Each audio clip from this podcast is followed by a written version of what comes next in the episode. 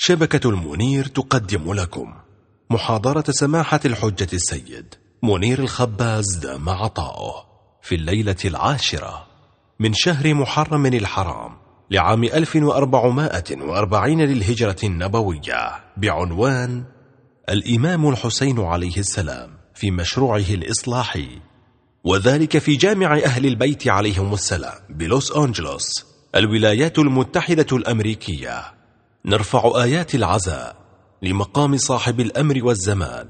عجل الله تعالى فرجه الشريف في مصاب جده الإمام الحسين عليه السلام. صلى الله وسلم عليك يا رسول الله. وعلى أهل بيتك المنتجبين يا ليتنا كنا معكم. فنفوز فوزا عظيما. السلام على الحسين.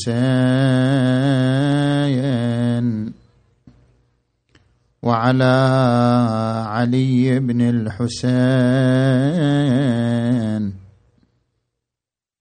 وعلى أولاد الحسين وعلى أصحاب الحسين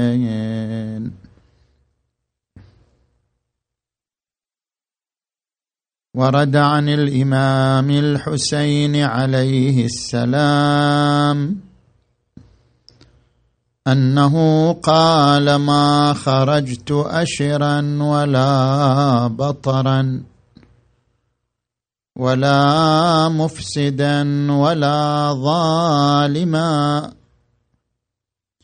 وإنما خرجت لطلب الإصلاح في أمة جدي. أريد أن آمر بالمعروف وأنهى عن المنكر. فمن قبلني بقبول الحق فالله أولى بالحق. ومن رد على هذا فالله يحكم بيني وبين القوم بالحق. إنه خير الحاكمين.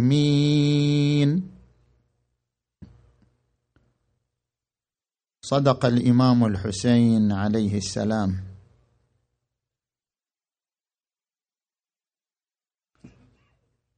انطلاقا من الكلمات العظيمة التي صدح بها الحسين بن علي. صلوات الله وسلامه عليه. نتحدث هذه الليلة في محورين. في الأهداف الحسينية وفي دور الأمة تجاه حركة الحسين. المحور الأول ما هي الأهداف التي رسمها الحسين بن علي صلوات الله وسلامه عليه لثورته وحركته التغييرية؟ إن هناك مجموعة من الأهداف خطط لها الحسين ورسمها الحسين عليه السلام بحركته وبجهاده ودمه. الهدف الأول حفظ العزة للدين الإسلامي. رأى الحسين عليه السلام أن في بيعة يزيد بن معاوية اذلالا للإسلام واذلالا للدين. وقد عبر عن هذا الموقف بقوله يا أمير إن يزيد رجل فاسق شارب للخمر قاتل للنفس المحترمة ومثلي لا يبايع مثله. وعبر عن هذا الموقف بقوله ألا وإن الدعي ابن الدعي قد ركز بين اثنتين بين السلة والذلة وهيهات منا الذلة يأبى الله لنا ذلك ورسوله والمؤمنون وجذور طابت وحجور طهرت وأنوف حمية ونفوس أبية أن تؤثر طاعة اللئام على مصارع الكرام. فكان مجسدا لقوله عز وجل ولله العزة ولرسوله وللمؤمنين حفظ للدين عزته وللإيمان شموخه وللإسلام سموه وعلو شأنه برفضه القاطع لبيعة يزيد بن معاوية مهما كانت الظروف ومهما كانت الأحوال. الهدف الثاني الذي تطلع إليه الحسين بن علي صلوات الله وسلامه عليه تحريك إرادة الأمة. الأمة في زمن معاوية ماتت إرادتها خمد ضميرها استسلمت للواقع الأموي تخدرت إرادتها. أراد الحسين أن يعيد لها نشاطها أن يعيد لها ضميرها أن يحرك إرادتها نحو المطالبة بحقوقها. فما وجد طريقا لتحريك إرادة الأمة وبعثها من نومها ورقدتها إلا بإراقة دمه الطاهر. رأى أن دمه الطاهر هو أغلى دم في تلك الفترة وأنه إذا أريق هذا الدم سيتحرك ضمير الأمة ستتجدد إرادتها ستشعر الأمة بأنها أمة خانعة خاضعة لسياسة أموية باطشة. فكان كما خطط له الحسين بن علي عليه السلام حيث قال ألا وإني زاحف بهذه الأسرة. أنا مقدم لدمي مقدم لأسرتي. ألا وإني زاحف بهذه الأسرة مع قلة العدد وخذلان الناصر. وأيم الله لا تلبثون بعدها إلا كريثما يركب الفرس حتى تدور بكم دور الرحى. وتقلق بكم قلق المحور. عهد عهده إلي أبي عن جدي رسول الله صلى الله عليه وآله فأجمعوا أمركم وشركاءكم ثم لا يكن أمركم عليكم غمة ثم اقضوا إلي ولا تنظرون. إني توكلت على الله ربي وربكم. ما من دابة إلا هو آخذ بناصيتها. إن ربي على صراط مستقيم. وفعلا الحسين قتل لكن الحركة تجددت في إرادة الأمة. فكانت حركة التوابين وكانت حركة المختار وكانت حركة زيد بن علي وكانت حركة الحسين بن علي صاحب معركة فخ توالت الثورات والحركات. امتدادا لصوت الحسين امتدادا لحركة الحسين امتدادا لإرادة الحسين. فالحسين حقق هدفه من خلال دمه من خلال جهاده عندما حرك ضمير الأمة وبعث إرادتها من جديد. الهدف الثالث إعادة الدور الرسالي للمرأة المسلمة. المرأة المسلمة منذ عهد خديجة بنت خويلد منذ عهد فاطمة الزهراء عليها السلام انتهى دور المرأة المسلمة. لم يعد للمرأة المسلمة دور رسالي بارز على مستوى الأمة. ومستوى يقظتها ومستوى رسالتها ومستوى وعيها. أراد الحسين أن يعيد دور المرأة لكي تشارك في إحياء الأمة الإسلامية. فاصطحب الحسين النساء. ما اصطحب الحسين النساء؟ لأجل بكاء أو مظلومية.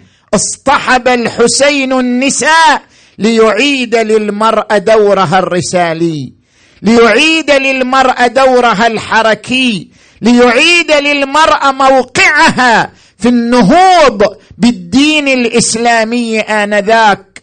وفعلا كما خطط الحسين كانت زينب وأم كلثوم وسكينة كان قمن بدور عظيم في دعم ثورة الحسين. لولا زينب لولا صوت زينب لولا بلاغة زينب لولا وعي زينب بالمسؤولية لماتت ثورة الحسين وخمدت حركة الحسين. لكن زينب بوعيها لأهداف الثورة ببلاغة منطقها بقوة حجتها بشموخها بتجسيدها لصبر أبيها المرتضى. وإرادة أمها الزهراء وعبادة جدها المصطفى فضحت خطط الأمويين ومكائدهم وواجهتهم مواجهة علنية دامية إلى أن حركت الضمائر وحركت الإرادة وقالت ليزيد بن معاوية أظننت يا يزيد حيث أخذت علينا أقطار الأرض وآفاق السماء أن بك على الله كرامة وبنا عليه هوانا فشمخت بأنفك ونظرت في عطفك جذلان مسرورا حيث رأيت الدنيا لك مستوسقة والأمور متسقة وحيث صفى لك ملكنا وسلطاننا فمهلا مهلا لا تطش جهلا.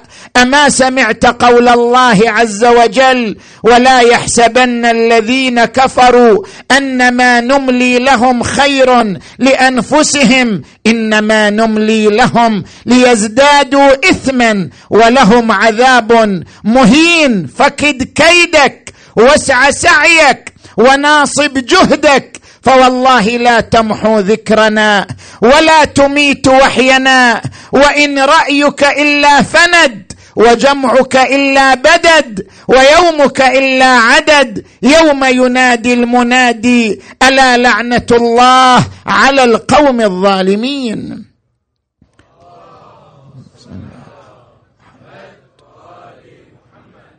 الهدف الثالث الذي أراده الهدف الرابع الذي أراده الحسين ابن علي نشر مظلومية آل رسول الله. هناك مجموعة من الروايات الواردة عن أهل البيت. الإمام الرضا عليه السلام يقول يا ابن شبيب إن كنت باكيا فابكي الحسين. الإمام الرضا عليه السلام يقول إن يوم الحسين أقرح جفوننا وأسبل دموعنا وأذل عزيزنا بأرض كرب وبلاء. الإمام الصادق يستقبل ذا الرمة يستقبل السيد الحميري لرثاء الحسين. الإمام الرضا يستقبل دعبل الخزاعي لرثاء الحسين.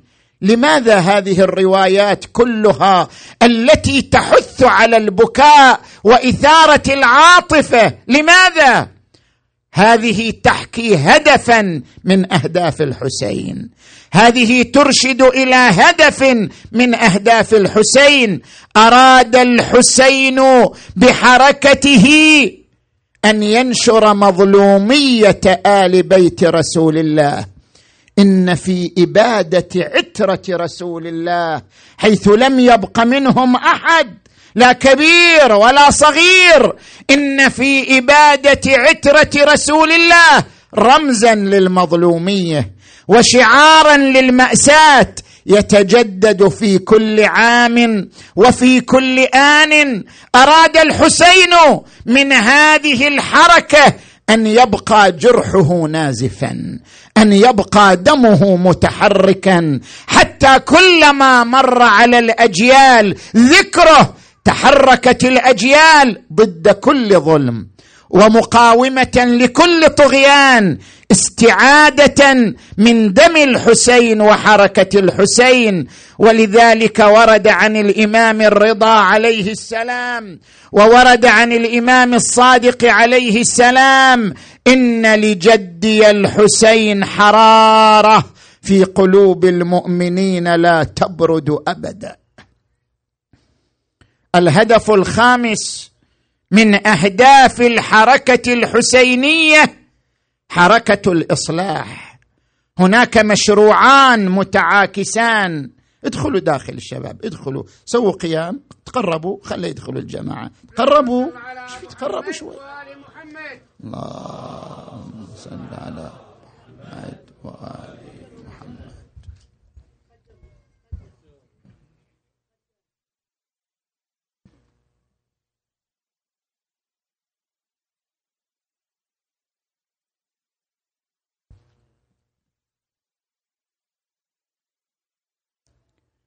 الهدف الخامس المشروع الإصلاحي الذي قاده الحسين بن علي صلوات الله وسلامه عليه وآله. هناك مشروعان متعارضان المشروع الأموي والمشروع المحمدي. أدرك الحسين عليه السلام أن عهد معاوية جسد المشروع الأموي بكل وضوح.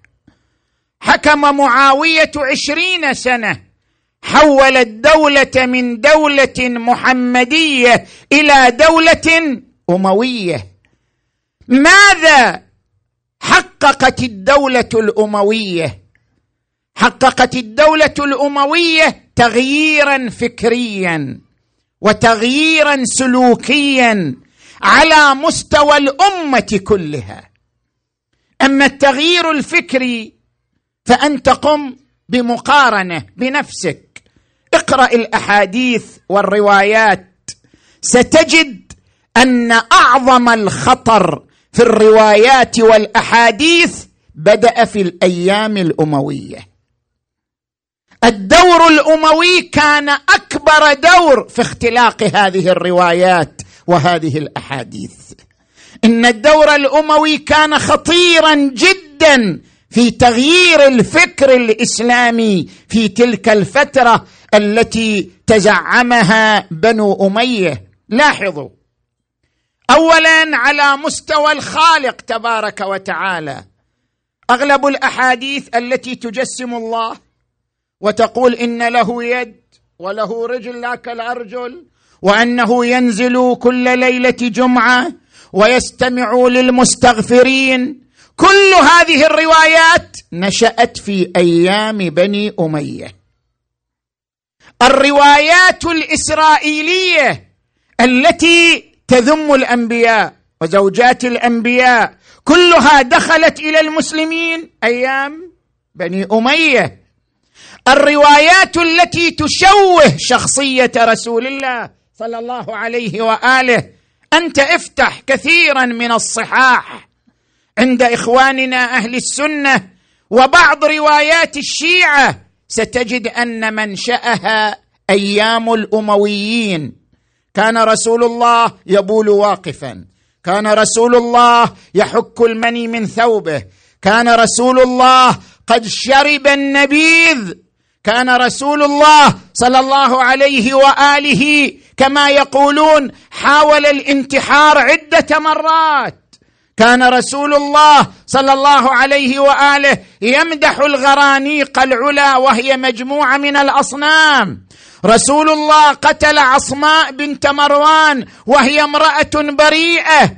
كل هذه الروايات التي شوهت شخصية رسول الله في نفوس المسلمين نشأت أيام بني أمية. هذا تغيير فكري. التغيير الفكري الذي أحدثه الحكم الأموي علم الناس أن الخروج على ولي الأمر معصية وشق لعصى المسلمين سواء كان ولي الأمر عادلا أم جائرا. الفكر الأموي علم الناس تقديس الصحابة كلهم القاتل والمقتول كلهم عدول كلهم مقدسون يؤخذ منهم بلا تردد. الفكر الأموي حاول أن يخدر إرادة الأمة. هذا على المستوى الفكري. وأما على المستوى السلوكي انتشرت الرشاوى لدى القضاة أيام بني أمية. قتل صحابة رسول الله كرشيد الهجري ككميل بن زياد كحجر بن عدي وأصحابه في زمان بني أمية. استغل الضعفاء انتشرت الطبقية. صار الفارق بين الأغنياء والفقراء. فارقا شاسعا. قدمت قريش على غيرها قدم العرب على غيرهم قدم الأحرار على الموالي. كل ذلك حدث في بني في زمن بني أمية. اذا المشروع الأموي مشروع خطير. على المستوى الفكري على المستوى السلوكي. لذلك أراد الحسين مواجهة هذا المشروع بكل ما عنده بمشروع آخر. عبر عنه بقوله. ألا عبر عنه بقوله. ما خرجت أشرا ولا بطرا ولا مفسدا ولا ظالما. وإنما خرجت لطلب الإصلاح في أمة جدي. أريد أن أبعث المشروع المحمدي أمام هذا المشروع الأموي. ثقوا. حتى لو تنازل يزيد عن الحكم كان الحسين سيخرج على كل حال. حتى لو فرضنا أن الحسين قيل له لن تقتل وستبقى آمنا كان سيخرج على كل حال. حتى لو لم يحصل على أنصار من أهل الكوفة أو أهل اليمن أو أهل الحجاز كان سيخرج على كل حال لأن له هدفا ساميا ألا وهو مواجهة المشروع الأموي بالمشروع المحمدي مهما كلفت الظروف بقي يزيد أم ذهب؟ حصل على أنصار أم لم يحصل؟ قتل أم بقي حيا؟ سوف يصر على إحياء المشروع المحمدي مقابل المشروع الأموي. نأتي الآن إلى المحور الثاني من حديثنا انطلاقا من كلمات الإمام الحسين صلوات الله وسلامه عليه. صلوا على محمد وآل محمد.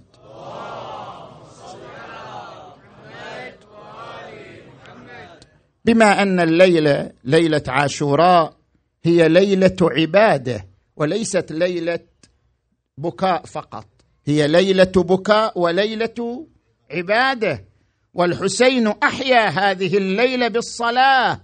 أحياها بالدعاء أحياها بقراءة القرآن. فلا تغفلوا أن تصلوا نافلة الليل في هذه الليلة لأنها ليلة العبادة. وتهدوا ثواب نافلة الليل إلى روح الحسين بن علي صلوات الله وسلامه عليه.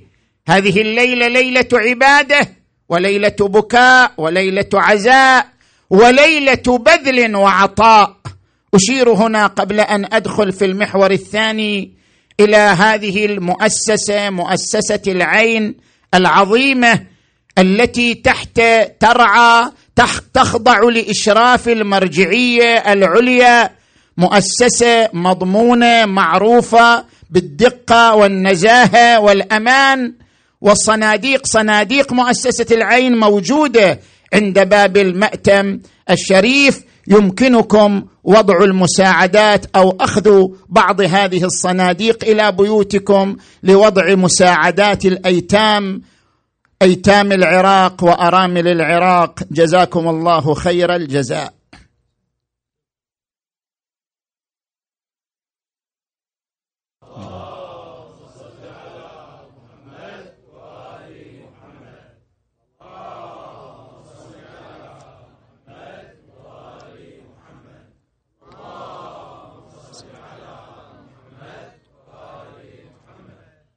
المحور الثاني ما هو دورنا تجاه الحسين بن علي؟ ما هو دورنا نحن المسلمين تجاه قضية الحسين تجاه حركة الحسين بن علي صلوات الله وسلامه عليه؟ هناك دور إعلامي هناك دور تربوي هناك دور سلوكي هناك دور روحي هذه الأدوار تنتظرنا. نحن المسلمين نحن الحسينيين. الدور الأول الدور الإعلامي. ما زال الدور الإعلامي دورا عاطفيا. ما زالت الفضائيات والشعائر والاحتفالات والمهرجانات تحقق دورا عاطفيا تجاه قضية الحسين. ونحن نحتاج إلى الدور العاطفي ونحتاج إلى زخمه وآثاره لكننا نتطلع إلى دور إعلامي آخر. نتطلع إلى دور إعلامي فكري لحركة الحسين لأهداف الحسين لمثل الحسين. نحن المسلمين معنيون بأن نحول الحسين إلى فكر جامعي يغزو جامعات العالم. نحول الحسين إلى مبادئ تدرس في الجامعات. نحول الحسين إلى شعارات إنسانية يهتف بها الجميع. الحسين مصلح إنساني. الحسين رائد بشري. الحسين قائد حركة تغييرية إنسانية. لماذا نخنق الحسين في الإطار المذهبي؟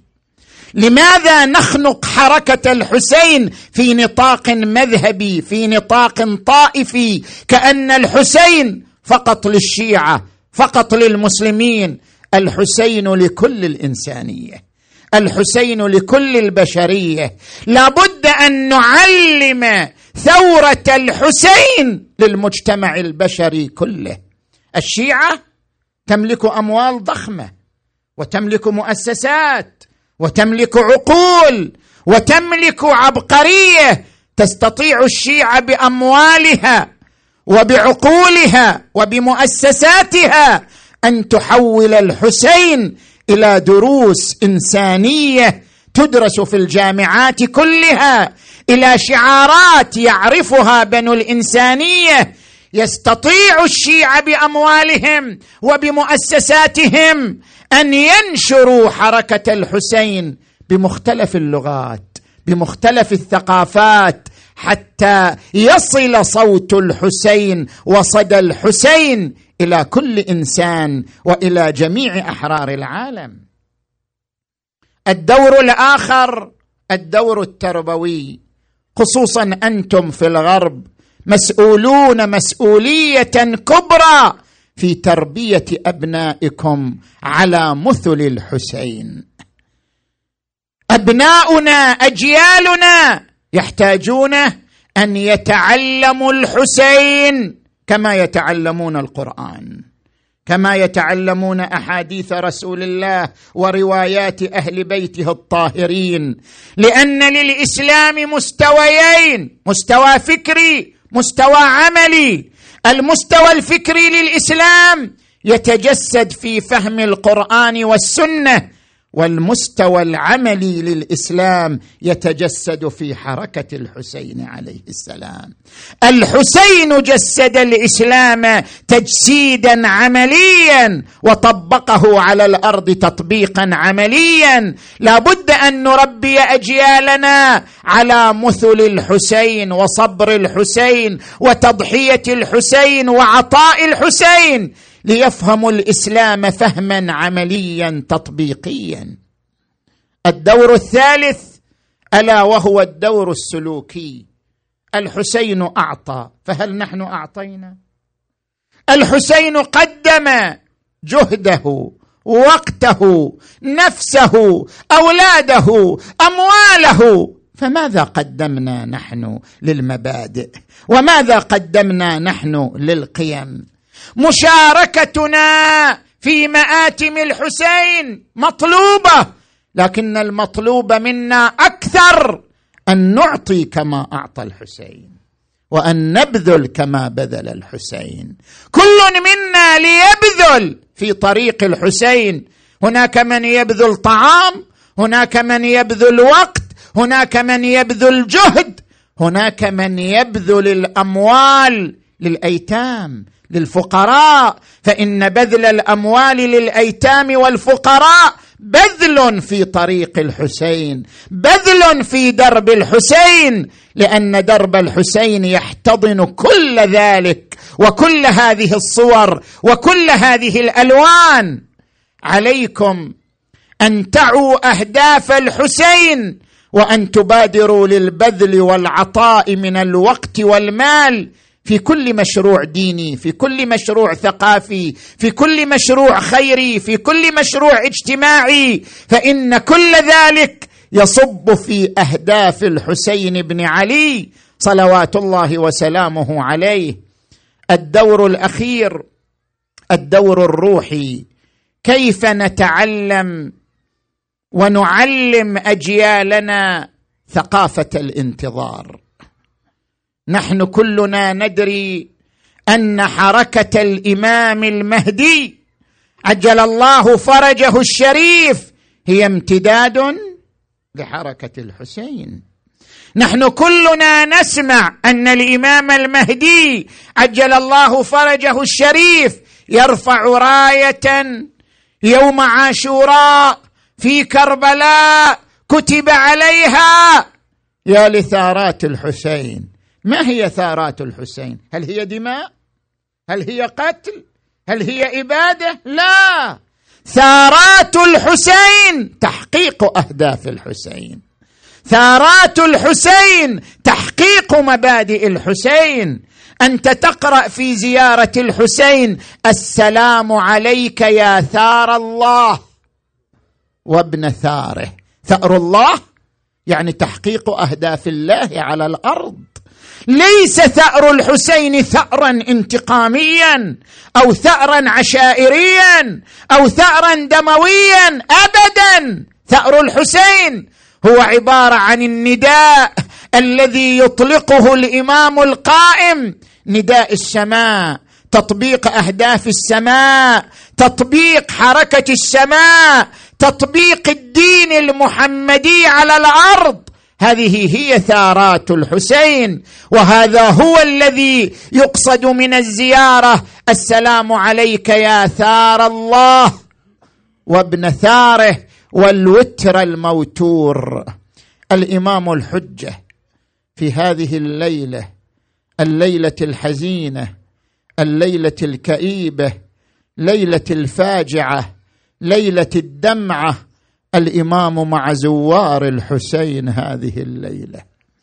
الليلة في كربلاء تجتمع الزوار من كل مكان والمهدي مع هؤلاء الزوار يجددون البيعة للحسين ويجددون الارتباط بالحسين ويجددون العهد مع الحسين ويقولون نحن معك يا أبا عبد الله. في كل عام في كل يوم في كل لحظة نسير على مثلك نسير على طريقك نسير على دربك يا أبا عبد الله. إن كان لم يجبك بدني عند استغاثتك ولساني عند استنصارك فقد أجابك قلبي وسمعي وبصري. يا أبا عبد الله السلام عليك يا أبا عبد الله. أشهد أن دمك سكن في الخلد.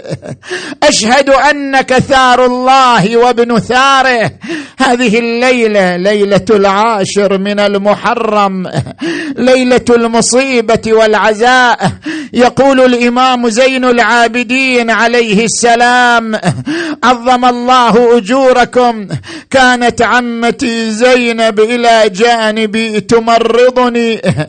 وإذا بأبي في خيمة أخرى يصلح صمصامه على ركبتيه.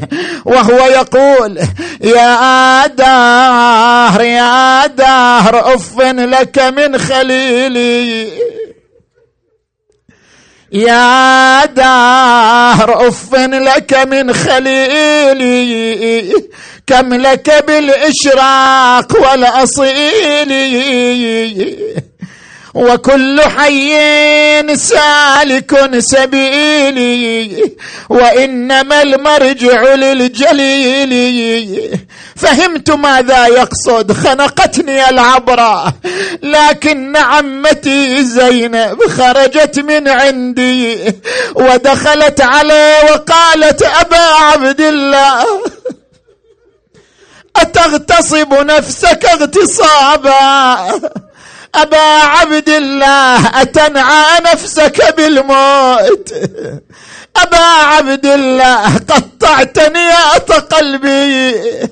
قال أخي أخي اعلمي أن أهل الأرض يموتون وأهل السماء لا يبقون. لقد مات جدي وهو خير مني ومات أبي وهو خير مني ومات أخي وهو خير مني. أخي لا بد من مصرع أنا لاقيه.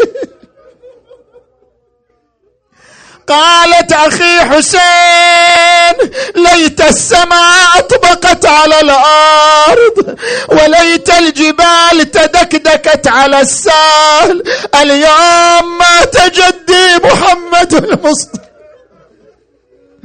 اليوم مات أبي علي المرتضى.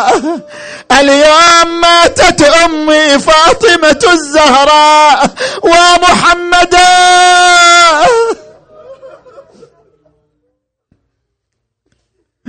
مسح الحسين على صدرها. قال أخي تعزي بعزاء الله واستعدي للمصيبه ولكم الأجر والمثوبه قالت أخي حسين هل خبرت أصحابك؟ هل بلوتهم؟ أخاف أن يسلموك عند الوثبه قال لها نعم لقد بلوتهم والآن أنا أمامك أخبرهم. جمع أنصار قال أصحابي هذا الليل قد غشيكم فاتخذوه جملا وليأخذ كل رجل منكم يد رجل من أهل بيتي وتفرقوا في سوادكم ومدائنكم فإن القوم لا يريدون غيري ولو حصلوا علي للهوا عن غيري. فقام أصحابه واحدا بعد الآخر مشرعين سيوفهم وهم يقولون لبيك لبيك أبا عبد الله. قال له زهير بن القين والله لو أقطع بالسيف إربا إربا. ما تخليت عن نصرتك. وقال مسلم بن عوسجة والله لو أحرق ثم أنشر ثم أحرق ثم أنشر. سبعين مرة ما تخليت عنك. وقال له آخر ماذا نقول لجدك رسول الله؟ أنقول خذلنا ابن بنت نبينا فلا دافعنا عنه بأسيافنا ولا جادلنا عنه بألسنتنا لا كان ذلك أبدا. قال جزاكم الله خيرا. إني لا أعلم أصحابا خيرا من أصحابي ولا أهل بيت خيرا من أهل بيتي. ثم دخل على العقيلة زينب. قال اخيه سمعت كلامهم. أخيه سمعت دعواتهم. أخيه سمعت نخواتهم. عظم الله أجوركم فباتوا ليلة العاشر ولهم دوي كدوي النحل يتزودون من العباده وقراءة القرآن عظم الله أجوركم. فلما طلع صباح يوم العاشر وإذا بالجيوش قد أحاطت بالحسين. من كل جانب ومكان أقبل الحسين بأصحابه وعظ في القوم فلم يجد وعظا. بينما هو واقف وإذا بالسهام تترى عليك رش المطر. قال أصحابي هذه رسل القوم إليكم. قوموا بارك الله فيكم. هذا جدي رسول الله ينتظركم. هذا أبي أمير المؤمنين يستقبلكم وعرفهم منازلهم في الجنان واحدا بعد الآخر ثم تبادر الأنصار وتدافعوا بين يديه. واحدا بعد الآخر يتقدمون إلى المعركة. عظم الله أجوركم. وكان من بين الأنصار وهب بن حباب الكلبي وكان حديث عهد بالزواج فلما أراد الخروج إلى المعركة تعلقت زوجته بثيابه وقالت يا وهب لا تفجعني بشبابك. فالتفت إلى أمه وإذا بأمه تقول لا تسمع كلامها تقدم وانصر الغريب أبا عبد الله. إني أريد أن أفتخر بك بين يدي فاطمة الزهراء تستاهل الزهرة تستاهل. الزهرة غالية عزيزة. عظم الله أجوركم فتقدم إلى المعركة فقطعت يده فرجع إلى الخيمة قال اما هل وفيت؟ قالت لا والله حتى أراك صريعا على الثرى. فرجع إلى القتال مرة أخرى وإذا بزوجته من خلفه تحمل عمود الخيمة وتقول يا وهب قاتل دون الطيبين حسين وآل حسين التفت إليها قال أمة الله قبل ساعة كنت تنهينني عن القتال والآن تحثينني على القتال. قال ماذا جرى؟ قالت يا وهب لا تلمني واعية الحسين أحرقت قلبي. قال ماذا سمعت من الحسين؟ قالت رايته متوكئا على عصاه وهو يقول أمام الناصر ينصرنا. أما من ذاب يذب عنا؟ أما من محام يحامي؟ عن آل بيت رسول الله. وكان من بين الأنصار عبد الله بن جناد الأنصاري وكان طفلا صغيرا. قتل أبوه في الحملة الأولى فأقبل إلى الحسين قال أبا عبد الله ائذن لي في القتال. قال بني أنت غلام صغير. قتل أبوك أخاف أن أمك تكره قتالك. قال أبا عبد الله إن أمي امي هي التي امرتني قال بني ارجع إلى أمك. كي تقر عينها بك. رجع إلى أمه. وإذا بأمه تخرج من الخيمة حاملة غلامها. وقفت بين يدي الحسين. قالت لا والله يا أبا عبد الله لا يقر قلبي حتى أراه مضمخا بدماء. قال جزاكم الله خيرا عن أهل بيت نبيكم. عظم الله أجوركم. ثم جاء أبو ثمامة الصيداوي قال يا أبا عبد الله لقد حضر وقت الصلاة ولا أريد أن أخرج من الدنيا إلا وقد صليت معك هذه الصلاة. قال صدقت هذا أول وقتها. قولوا للقوم يكفوا عنا بعض الوقت حتى نصلي لربنا. عظم الله أجوركم. تقدم الحسين يصلي. وإذا بالسهام تترى عليه.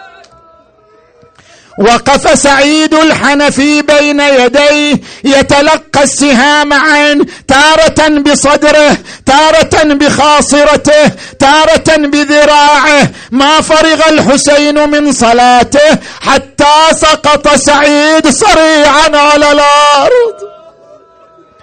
التفت إلى الحسين قال أبا عبد الله هل فزت؟ هل فزت قال نعم فزت وأنت أمامي في الجنة. أبلغ جدي رسول الله عني السلام. أبلغ أمي فاطمة الزهراء عني السلام. وقل إن الحسين وحيد. غريب بكربلاء. عظم الله أجوركم ثم ثارت الغبرة بين المخيم وبين العيا وبين الحسين فما هدأت الغبرة إلا والحسين وحيد. دخل خيمة بني علي وجدها خالية. دخل خيمة بني الحسن وجدها خالية. دخل خيمة بني عقيل وجدها خالية. دخل خيمة الأنصار وجدها خالية. وقف على نشز من الأرض. نادى أخي عباس. ولدي عليه. حبيبي حبيب برار زهير أحبائي لو غير أصابكم عتبت ولكن ما على الموت ما اعتبوا. أمام الناصر ينصرنا. أمام ذاب يذب عنا. فقال زين العابدين عم زينب ناولين السيف والعصا. قالت ما تصنع بهما؟ قال أريد أن أدافع عن ابن بنت رسول الله. أقبلت زينب ناولته السيف والعصا شهر سيفه متوكئا على عمته مناديا أبا حسين لبيك لبيك. التفت الحسين خلفه قال أخي أرجعيه إلى الخيمة لئلا ينقطع نسل آل محمد. أرجعته إلى الخيمة عظم الله أجوركم وإذا بالرباب قد جاءت بالطفل الرضيع. وحسينا وإماما وقد دلع لسانه على صدره من شدة الظما قالت خذوا طفلكم لا طاقة لي بحمله. أخذته العقيلة جاءت به إلى الحسين فجاء به إلى القوم فدعا في القوم يا لله من خطب فظيع نبئوني أنا المذنب أم هذا الرضي انظروه فعليه شبه الهادي الشفيع. عظم الله أجوركم فاختلف القوم. هذا يقول اقتلوه هذا يقول اتركوه. فقال عمر بن سعد لحرملة نزاع القوم بينما الطفل على يدي والديه ينتظر شربة الماء وإذا بسهم حرملة ذبحه من الوريد إلى الوريد. ومن الأذن إلى الأذن فشبك بيده على رقبة والده.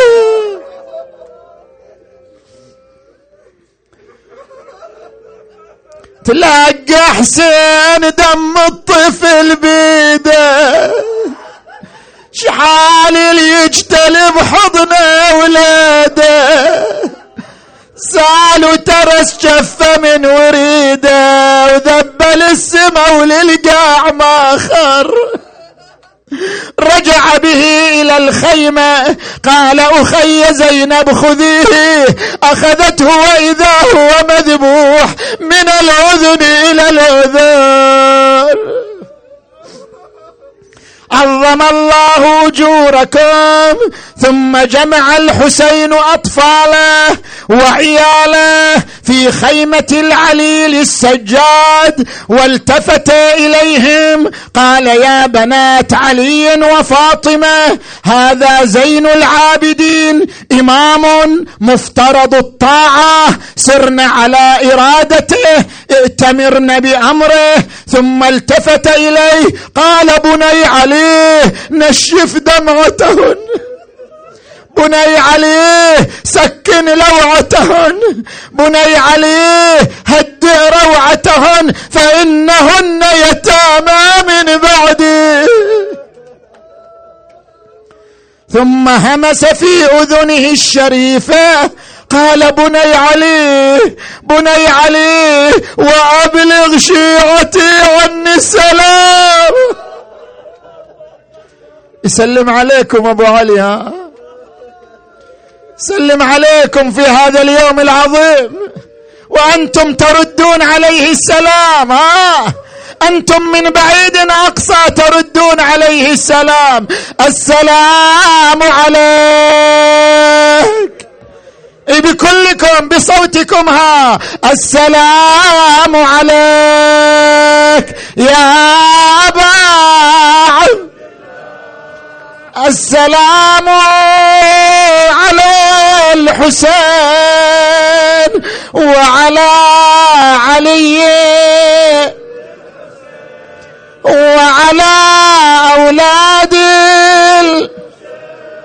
وعلى أصحاب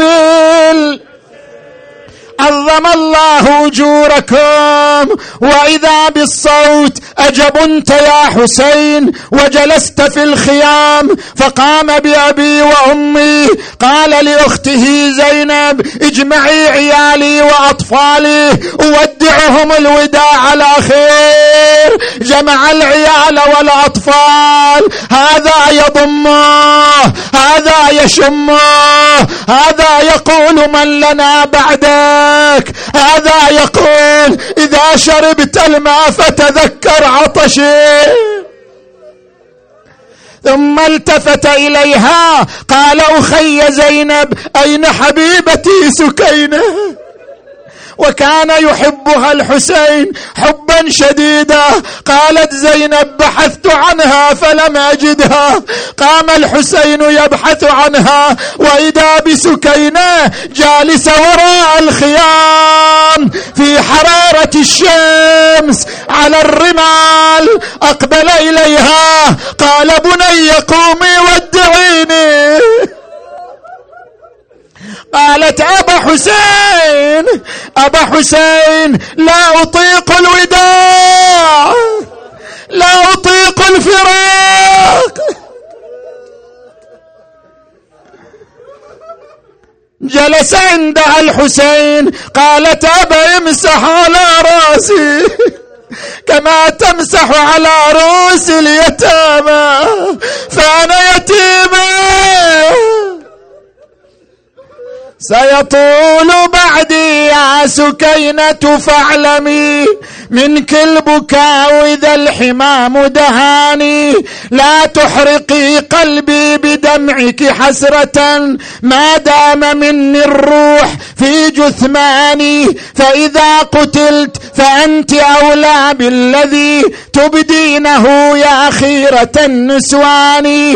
مسح على رأسها ضمها إلى صدره أقبل إلى فرسه مشى عليه مناديا أهل بيتي في أمان الله أهل بيتي في داعة الله الوداع الوداع الفراق الفراق تقدم إلى المعركة وإذا بالصوت من خلفه أخي حسين أخي حسين.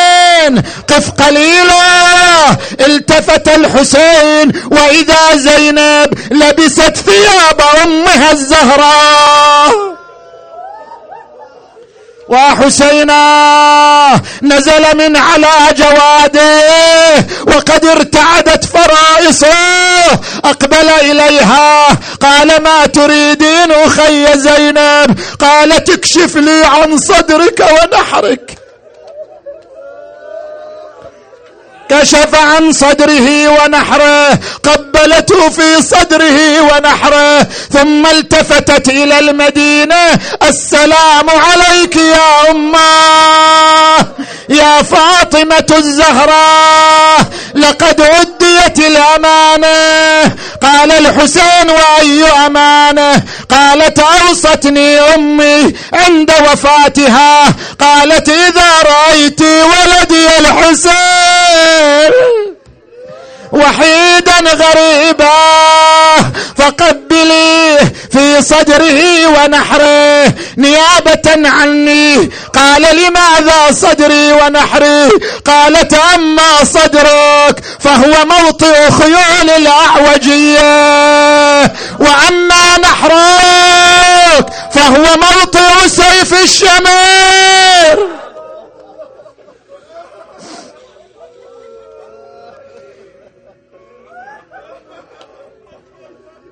أنا خايفة ولا تقول مدري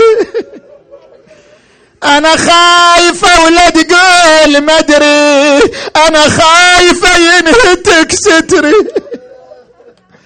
فضمها مولاي ضم الوداع وقال هذا آخر الاجتماع. انقلب على المعركة أنا الحسين بن علي. آليت أن لا أنثني أحمي عيالات أبي أمضي على دين النبي. قتل منهم مقتلة عظيمة فافترقوا عليه أربع فرق فرقة بالرماح فرقة بالسهام فرقة بالسيوف فرقة بالحجارة. أثخنوه بالجراح وقف بأبي وأمي ليستريح فضربه أبو الحتوف بحجار. وقع على جبينه يا الله فرفع ثوبه يريد أن يمسح الدم. يا رسول الله يا فاطمة الزهراء فجاء السهم المثلث. فجاء السهم المثلث وقع في قلب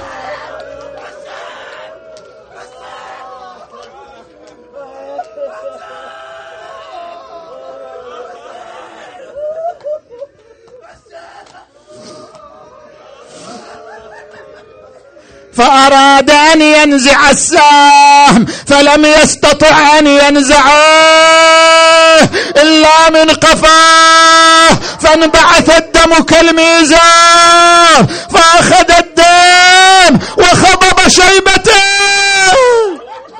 وقال هكذا ألقى الله وأنا مخضب بدمه وهوى من على فرسه أنا مناد واحس.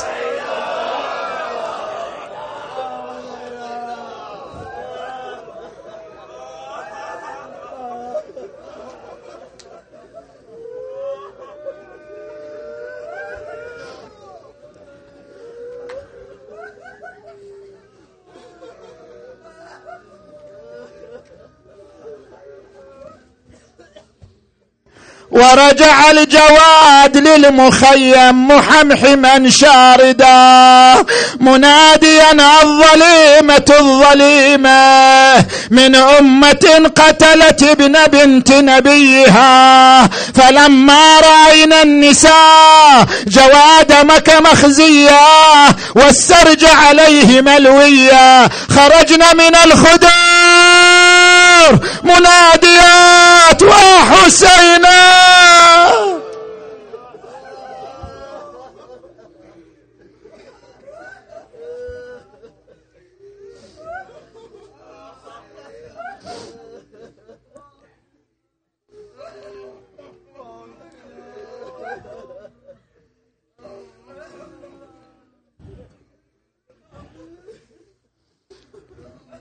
كلكم بصوت واحد واقفين. كربلاء لا زلت كربا وبلا كربلاء.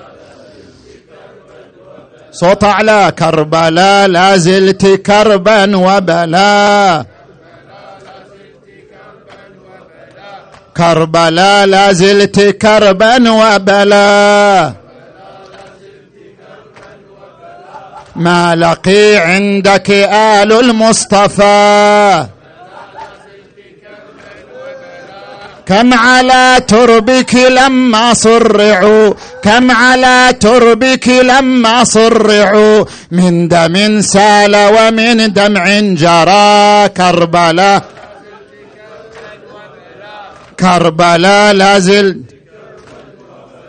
يا رسول الله لو عاينتهم يا رسول الله لو عاينتهم وهم ما بين قتل وسبا كربلاء كربلاء لا زلت كر كربلاء لا زلت كربا وبلا. ما لقي عندك آل المصطفى كربلاء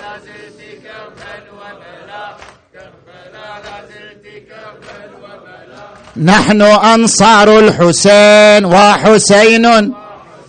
نحن أبناء الحسين. كلنا نبكي الحسين. كلنا ننعى الحسين. كلنا نفدي الحسين. كلنا نصرخ حسين. كلنا نندب حسين. كلنا نفدي الحسين نحن أنصار الحسين. نحن أبناء الحسين. كلنا ينعى الحسين. حسين حسين حسين حسين. حسين حسين حسين حسين. Hussein, Hussein, Hussein, Hussein.